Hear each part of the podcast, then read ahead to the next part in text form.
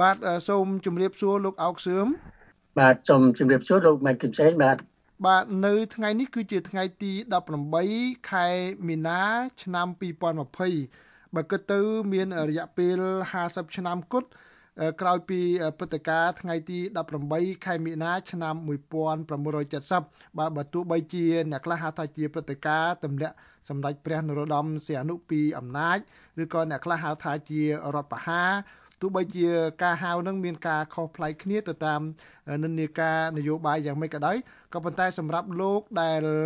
បានចូលរួមនៅក្នុងព្រឹត្តិការណ៍នោះដោយផ្ទាល់តើរយៈពេល50ឆ្នាំកន្លងមកនេះអ្នកនយោបាយខ្មែរឬក៏ពលរដ្ឋខ្មែរបានរៀនសូត្រអ្វីខ្លះជាពិសេសដូចជារូបលោកជាដើមនោះបាទបាទសូមអរគុណចំពោះសំណួរដែលលោកបានចោទសួរមកនេះទោះបីជាក្រ50ឆ្នាំកន្លងទៅហើយក្តីក៏ អ្វីដែលយើងខ្ញុំបានប្រព្រឹត្តធ្វើកន្លងមកនេះវានៅក្នុងសតិអារម្មណ៍របស់យើងជានិច្ចអឺយើងសូមមិននិយាយពីការរៀនសូត្រទេយើងសូមនិយាយពីការព្រឹត្តិការណ៍ដែលកន្លងមកនេះគឺថាយោងតាមប្រព្រឹត្តកម្មនៃយើងខ្ញុំគឺថាមិនមែនជារដ្ឋប្រហារទេបាទគឺជាការដកតំណែងប្រមុខរដ្ឋពីសម្ដេចនរោត្តមសីហនុ ព្រោះថាសម្ដេចនរោត្តមសីហនុដែលឡើងទៅជាប្រមុខរដ្ឋបានក៏ដោយសារតែរដ្ឋសភាអ្នកអនុម័តអ្នកឲ្យសេចក្ដីបានដើម្បីឲ្យកើតជាប្រមុខរដ្ឋដឹកនាំម្ល៉េះហើយនៅក្នុងករណីណាដែលប្រមុខរដ្ឋធ្វើការខុសឆ្គងនៅក្នុងរដ្ឋធម្មនុញ្ញក្តីនៅក្នុងអឺបទបញ្ជាឬក៏សន្ធិសញ្ញាណាមួយក្តីជាអន្តរជាតិនោះយើងអាចមានសិទ្ធិនឹងដេញដោលហើយ ដកហត់មកតំណែងនឹងបានដូចជាសម្ដេចនរោត្តមសីហនុលោកបានអឺកាន់អភិក្រិតលំអៀងលំអៀងទៅខាងចិនទៅខាងកុម្មុយនីសដោយសារតែសន្និសីទបានដងដែលបានជួបលោកជួយឡាយម្ល៉េះក៏មានការទូទន់តាមឃោសនារបស់បកកុម្មុយនីសប្លុកកុម្មុយនីសហ្នឹងក៏លោកទូទន់ទៅខាងកុម្មុយនីសនឹងទៅទៅចិនជាពិសេសទៅចិនចិនគេទទួលអកថឹកអីហោហែទៅ ហើយបានជាដូច្នេះហើយបានជាលោកអនុញ្ញាតឲ្យយួនកងវៀតណាមខាងជើងតាំងទីមូលដ្ឋាននៅលើទឹកដីខ្មែរនៅតាមព្រំដែនខ្មែររហូតរហូតមកចប់អញ្ចឹងទៅហើយក៏តាមនៅក្នុងទីក្រុងភ្នំពេញក៏មានបាទអានឹងអញ្ចឹងគឺមានយកកងប្រកបខ្លួនប្រកបអីចឹងហើយយើងកម្មរះប្រជានៅតាមទួលដែនតែសារតែយកកងវៀតណាមខាងជើងនោះគេមកដំបូងវាស្រួលទេក៏ប៉ុន្តែដល់គេ ត្រួតត្រាកាន់តែបានយូរយូរទៅគេក៏តាំងជីជន់ប្រជារាស្ត្រនៅតាមមណ្ឌលតាមព្រំដែននឹងហូតពុនហូតដាបោះกระดาษប្រាក់រៀលกระดาษប្រាក់ដុល្លារคล้ายคล้ายចាយវាជាអាណាធិបតេយ្យគឺថាហើយក៏មានការបោះបាញ់មកលើកងកម្រិតប្រវិនម្ដងម្ដងផងបាទហើយដូច្នេះហើយយើងថាស្ថានភាពនឹងវាលន់ដាប់ខ្លាំងពេកទៅបានជាប្រជារាស្ត្រក្រៅខាយបះបោ អឺធ្វើបាតកម្មហូហែទៅបានជាជ្រុញច្រានដល់ការដកហូតមកតំណែងចំណែកនរោត្តមសេនុនេះបាទបាទសូមអរគុណលោកអោកសឿមដែលបានរៀបរាប់ឡើងវិញនៅព្រឹត្តិការណ៍ទ្រុឌទ្រុឌដែលបានកើតមានឡើងកាលពី50ឆ្នាំមុនបាទអឺខ្ញុំបានដឹងតាមរយៈឯកសារស្រាវជ្រាវនានានិងការសម្ភាសជាមួយនឹងអតីតអិសរាជជននយោបាយជំនាន់នោះ គឺអស់លោកទាំងអស់នោះទាំងរូបលោកជាដើមដែលពេលនោះលោកជាអ្នកតំណាងរាស្ត្របាទហើយក្រោយមកលោកបន្តការងារជាសមាជិកសភារដ្ឋធម្មនុញ្ញទៀតហ្នឹងគឺខិតខំកសាងសង្គមមួយដែលសេរីនិងឯករាជ្យដែលមិនចំណោះប្រទេសជិតខាងដូចជាលោកបានលើកឡើងអំបញ្ញមិញជាពិសេសគឺខ្លាចជាងគេ គឺរបបកុម្មុយនីសបាទដែលពេលនោះកំពុងតែមាន សន្ទុះយ៉ាងខ្លាំងប្រៀបដូចជាភ្លើងឆេះព្រៃនៅក្នុងតំបន់យើងនឹងផងលើពិភពលោកផងប៉ុន្តែអ្វីដែលអស់លោកបានខិតខំធ្វើនោះមិនបានជោគជ័យតើហេតុអ្វីទៅបាទបាទតទៅនេះគឺថាហេតុដែលมันបានជោគជ័យនេះដំបូងយើងត្រូវយល់ថាទីមួយសម្ដេចនរោត្តមសីហនុលោកបានសញ្ញេចុះកងត្រាជាមួយចិនជាមួយយួនដើម្បីដាក់តបដូច្នេះហើយបានជា ដើម្បីនឹងធ្វើយ៉ាងម៉េចឲ្យផុតកងត្រាហ្នឹងបើចឹងយើងត្រូវតែបដូររបបណាបដូររបបបដូររបបមួយទៅបានជាកើតជារបបសាធារណរដ្ឋនឹងឡើងដើម្បីយើងលុបឲ្យកងត្រានេះចេញបាទដូច្នេះវាជាការមួយដែលអឺកុម្មុយនីសភ័យខ្លាចភ័យខ្លាចខ្លាំងដែលយើងប្លុកសេរីនេះយើងយើងប្រុងប្រៀបរៀបចំទប់ទល់ខ្លាំងទៅ ពួកកុំនេះខ្លាំងម្ល៉េះកុំនេះនឹងវាយសម្រុកមកលើខ្មែរយើងទាំងអស់ហ្មងដើម្បីយកប្រទេសខ្មែរនឹងជាជាមូលដ្ឋានយកឈ្នះថ្មបាទហើយបានជាសង្គ្រាមនឹងវារៀលដាលឡើងហើយមិនមែនយើងសង្គ្រាមស៊ីវិលទេ គឺសង្គ្រាមឈ្លានពានរបស់យួនយកកងវៀតណាមខាងជើងដែលមានបងប្រាថ្នានឹងវាយកំទេចស្រុកខ្មែរពីព្រោះមុននឹងតម្រាក់សម្ដេចជានុនឹងគេបានចាប់ព័ន្ធមានចាប់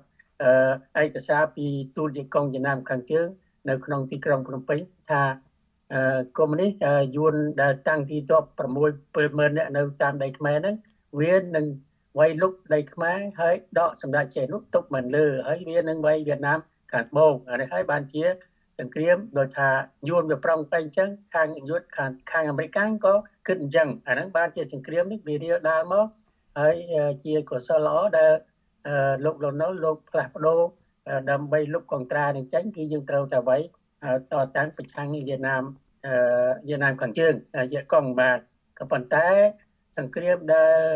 រលត់ដែលចាញ់ទៅនេះគឺដោយសារទី1គឺថាដោយសារសម្ដេចលោកមិនព្រម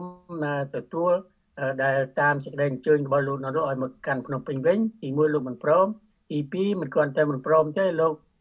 ចាញ់បោកកុម្មុយនីសចិនហ្នឹង ក៏លោកប្រកាសបង្កើតគណៈសេរូបរួមរំដោះជាតិទៅហើយប្រឆាំងនឹងលន់ណុលនឹងជាកម្លាំងទី1ហើយបីប្រឆាំងនឹងតបរបស់រំដោះនឹងទៅនៅក្រោមយៈកងទាំងអស់ពង្រៀនអីទាំងអស់គឺយៈកងនៅពីក្រោយគឺតាមខ្សែញាក់របស់យួនទាំងអស់លោកធ្វើនឹងធ្វើតាមចិត្តលោកតែថាប្រកាសជាអញឆ្លាញ់ជាតិឆ្លាញ់ឯប៉ុន្តែវានៅក្រោមការត្រួតត្រារបស់យួនដដែលហើយខ្មែរដែលទៅប្រមាណនេះយៈកងត្រួតត្រានៅពីក្រោយទាំងអស់ទី1ទី2 គឺថាអឺក្រមបញ្ញវន្តរបស់យើងដែលលោកមានចិត្តចង់បដូរប្រទេសទៅជាប្រជាធិបតេយ្យឬសេរីនិយមឬក៏សង្គមនិយមអីមិនដឹងទេក៏ប៉ុន្តែគេមានគំនិតជឿនលឿនមួយដើម្បីនឹងរៀបចំសង្គមខ្មែរជាថ្មីដែលសារសង្គមត្រួតត្រារបស់ស្ដេចនឹងវាយូរយារណាស់មកហើយចេះថាដើមរៀបគ្នាបងប្អូនបងប្អូនចូលឡើងបាត់ដីបាត់ទឹក បាត់ដីបាត់ទឹកមិនដែលមានលុះថ្ងៃណាគេក៏មានគំនិតមួយចង់បដូរហើយបានជាគេក៏រត់ចូលព្រៃទៅទៅនៅម្ខាងទេក៏ប៉ុន្តែពួកនោះឯងទៅក៏ទៅក្រោបសម្ដេចជានោះនៅក្រោមយួនដដែលបាទហ្នឹងហើយបានជាជាកម្លាំងទី2កម្លាំងទី2កម្លាំងទី3កម្លាំងយួនណាដូច្នេះកម្លាំង3ហ្នឹងបានចោមរោមវាយប្រហាររដ្ឋាភិបាលរដ្ឋហើយម្យ៉ាងទៀតម្យ៉ាងទៀតដោយសារថាអាមេរិក គេបដូរយុទ្ធសាស្ត្រគឺដោយប្រជារាស្ត្រគេកូនចៅគេទៅស្លាប់នៅយូរវែងនៅវៀតណាមខាងច្រើនទៅគេនឿយណាស់នឹងសង្គ្រាមវៀតណាមទៅមានការបះបោរនៅសហរដ្ឋអាមេរិកនេះគឺថាគេទៀមទាអាមេរិកដកទ័ពហើយតាមខ្ញុំយល់លោក Richard Nixon ក៏បានទៅចរចាជាមួយចិនដោយស្ងាត់ស្ងាត់ហើយក៏ផ្ទេរឥណ្ឌូចិនទាំងមូលឲ្យទៅចិនទៅហើយនេះហើយបានជា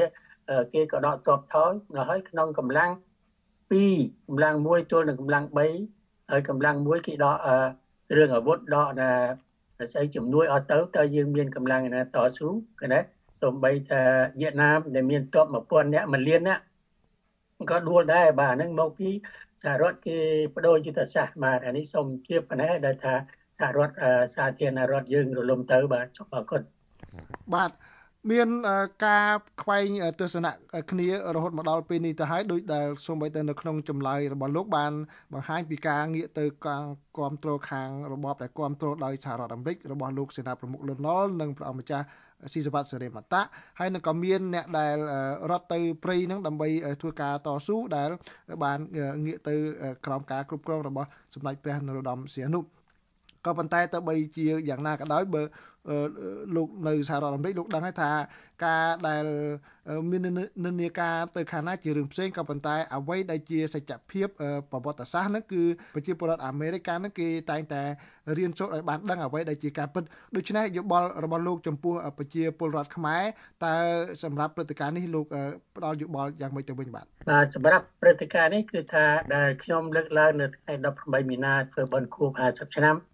ដែលបានលើកទៅខែតុលានេះដោយសារតែមេរោគកូវីដមេរោគ COVID-19 ហ្នឹងសហរដ្ឋអាមេរិកទូទៅគេបិទអស់ហើយយើងក៏ត្រូវលើកតាមកាលៈទេសៈអញ្ចឹងទៅគឺថាមិនមែនដើម្បីនឹងបង្កបង្កើតជាគណៈបកឬក៏សើឬអីទេគឺគ្រាន់តែជាការរំលឹករំលឹកដល់អ្វីដែលអឺលោកអ្នកដែលបានបូជាជីវិតសម្រាប់ប្រជាធិបតេយ្យណាសម្រាប់ប្រទេសជាតិសម្រាប់ការពារប្រទេសជាតិ ដើម្បីរំលឹកនៅគុណអ្នកទាំងអស់នោះកុំឲ្យភ្លេចហើយជាមេរៀនដល់អ្នកចំនួនក្រោយដែលប្រមាណដឹងដែលប្រមាណយល់ច្បាស់ថាសង្គ្រាមឆ្នាំ70 75នេះជាសង្គ្រាមអ្វីសាធារណរដ្ឋនេះជាអ្វីអានេះខ្ញុំសូមជម្រាបប៉ុណ្ណឹងដើម្បីទុកជារៀនដល់កូនចៅទាំងអស់តើឲ្យសិក្សាទៅតើយើងធ្វើនឹងវាត្រូវឬខុសឬអីអានេះស្រេចតែលោកអ្នកដែលពិចារណាខាងក្រោយក៏ប៉ុន្តែចំពោះ យើងខ្ញុំដែលបានធ្វើនឹងគឺថាយើងខ្ញុំបានធ្វើនៅក្នុងកលៈទេសៈមួយដែលវាមិនសមស្របក៏ប៉ុន្តែជាការដែលយើងតស៊ូដើម្បីកុំឲ្យយួនវៀតណាមខាងជើងនឹងយកទឹកដីខ្មែរយើងក៏ក៏ថែសរសើរបានរស់បាន4 5ឆ្នាំដែរបាទឃើញថាទឹកដីខ្មែរនៅសល់ព្រៃឈើនៅសល់ព្រំដែននៅសល់កោះត្រល់កោះតឡាចកោះអេណាទាំងអស់នៅសល់ក្នុងការគ្រប់គ្រងរបស់ខ្មែរទាំងអស់អត់មាន ប្រែប្រួលអ្វីឡើយបាទហេតុនេះហើយបានសូមជម្រាបដល់បងប្អូនជនរួមជាតិទាំងឡាយពីព្រោះថាសាធារណរដ្ឋយើងគ្មានពេលនឹងកសាងប្រទេសជាតិមានពេលតែដេញកម្ចាត់យុទ្ធខាងខាងជើងវៀតណាមខាងចុងខាងត្បូងចេញខាងជើងចេញហើយក៏យើងបានយកយួនជនជាតិវៀតណាមដែលបារាំងបញ្ចូលមកតាំងពី100ឆ្នាំមកហើយឲ្យនៅកើតជាកូនពូនចៅនៅក្នុងស្រីខ្មែរយើងយកបានជាតិវៀតណាមញាតយួនហ្នឹង ចេញទាំងអស់ពីស្រុកខ្មែររលីងទាំងកងកម្លាំងប្រដាប់អាវុធទាំងអីទាំងអស់បាទនេះហើយជាស្នាដៃនៃសាធារណរដ្ឋខ្មែរបាទបាទអញ្ចឹងបានន័យថាលោកមិនមានការសោកស្ដាយចំពោះអ្វីដែលលោកបានចូលរួមលើកដៃដើម្បីទម្លាក់ព្រះប្រមុខរដ្ឋនៅពេលនោះទេបើតាមការលើកឡើងរបស់លោកហើយចុងក្រោយតើលោក យល់ថាពលិកម្មរបស់អ្នកដែលបានចូលរួមទាំងនោះដែលគ្រាន់តែជាមិនមែនជាអ្នកនយោបាយទេគឺជាឧបករណ៍បម្រើនយោបាយឬក៏ដោយសារតែទឹកចិត្តស្នេហាជាតិរបស់លោកទូយ៉ាងដូចជា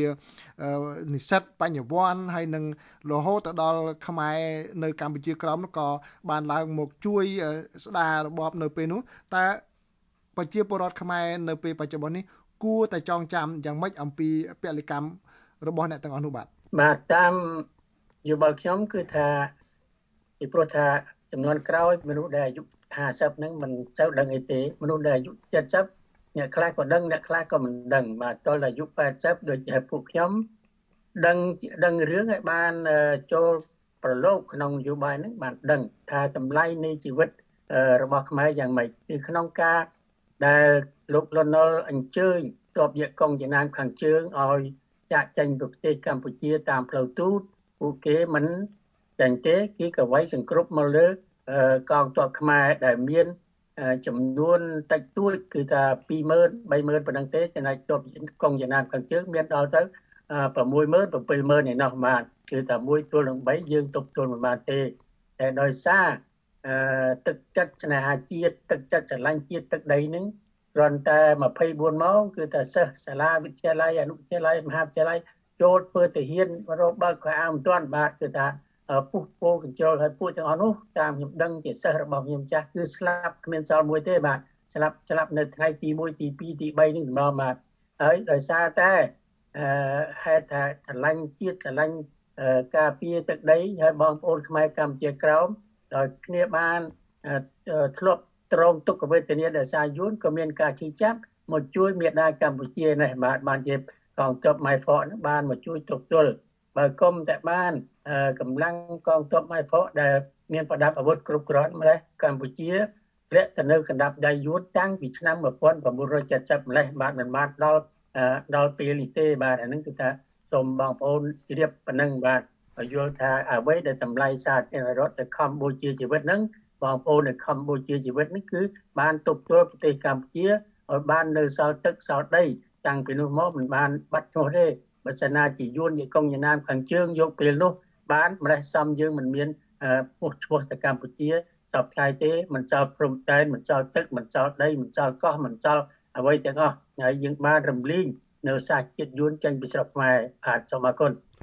បាទសូមអរគុណលោកអោកសឿមដែលជាអតីតអ្នកតំណាងរាស្ត្រនៃរបបសង្គមរាស្ត្រនិយមហើយបន្តជាសមាជិកសភារដ្ឋធម្មនុញ្ញនៅក្នុងរបបសាធារណរដ្ឋខ្មែរក្រោមការដឹកនាំរបស់លោកសេនាប្រមុខលន់ នល់និងព្រះអង្គម្ចាស់ស៊ីសវ័តសេរីមតៈដែលបានឈានឱកាសនេះផ្ដល់បទសម្ភាសដល់ VOA បាទសូមជម្រាបលាលោកអរគុណច្រើនបាទបាទសូមអរគុណលោកម៉ែនគីចេងបាទ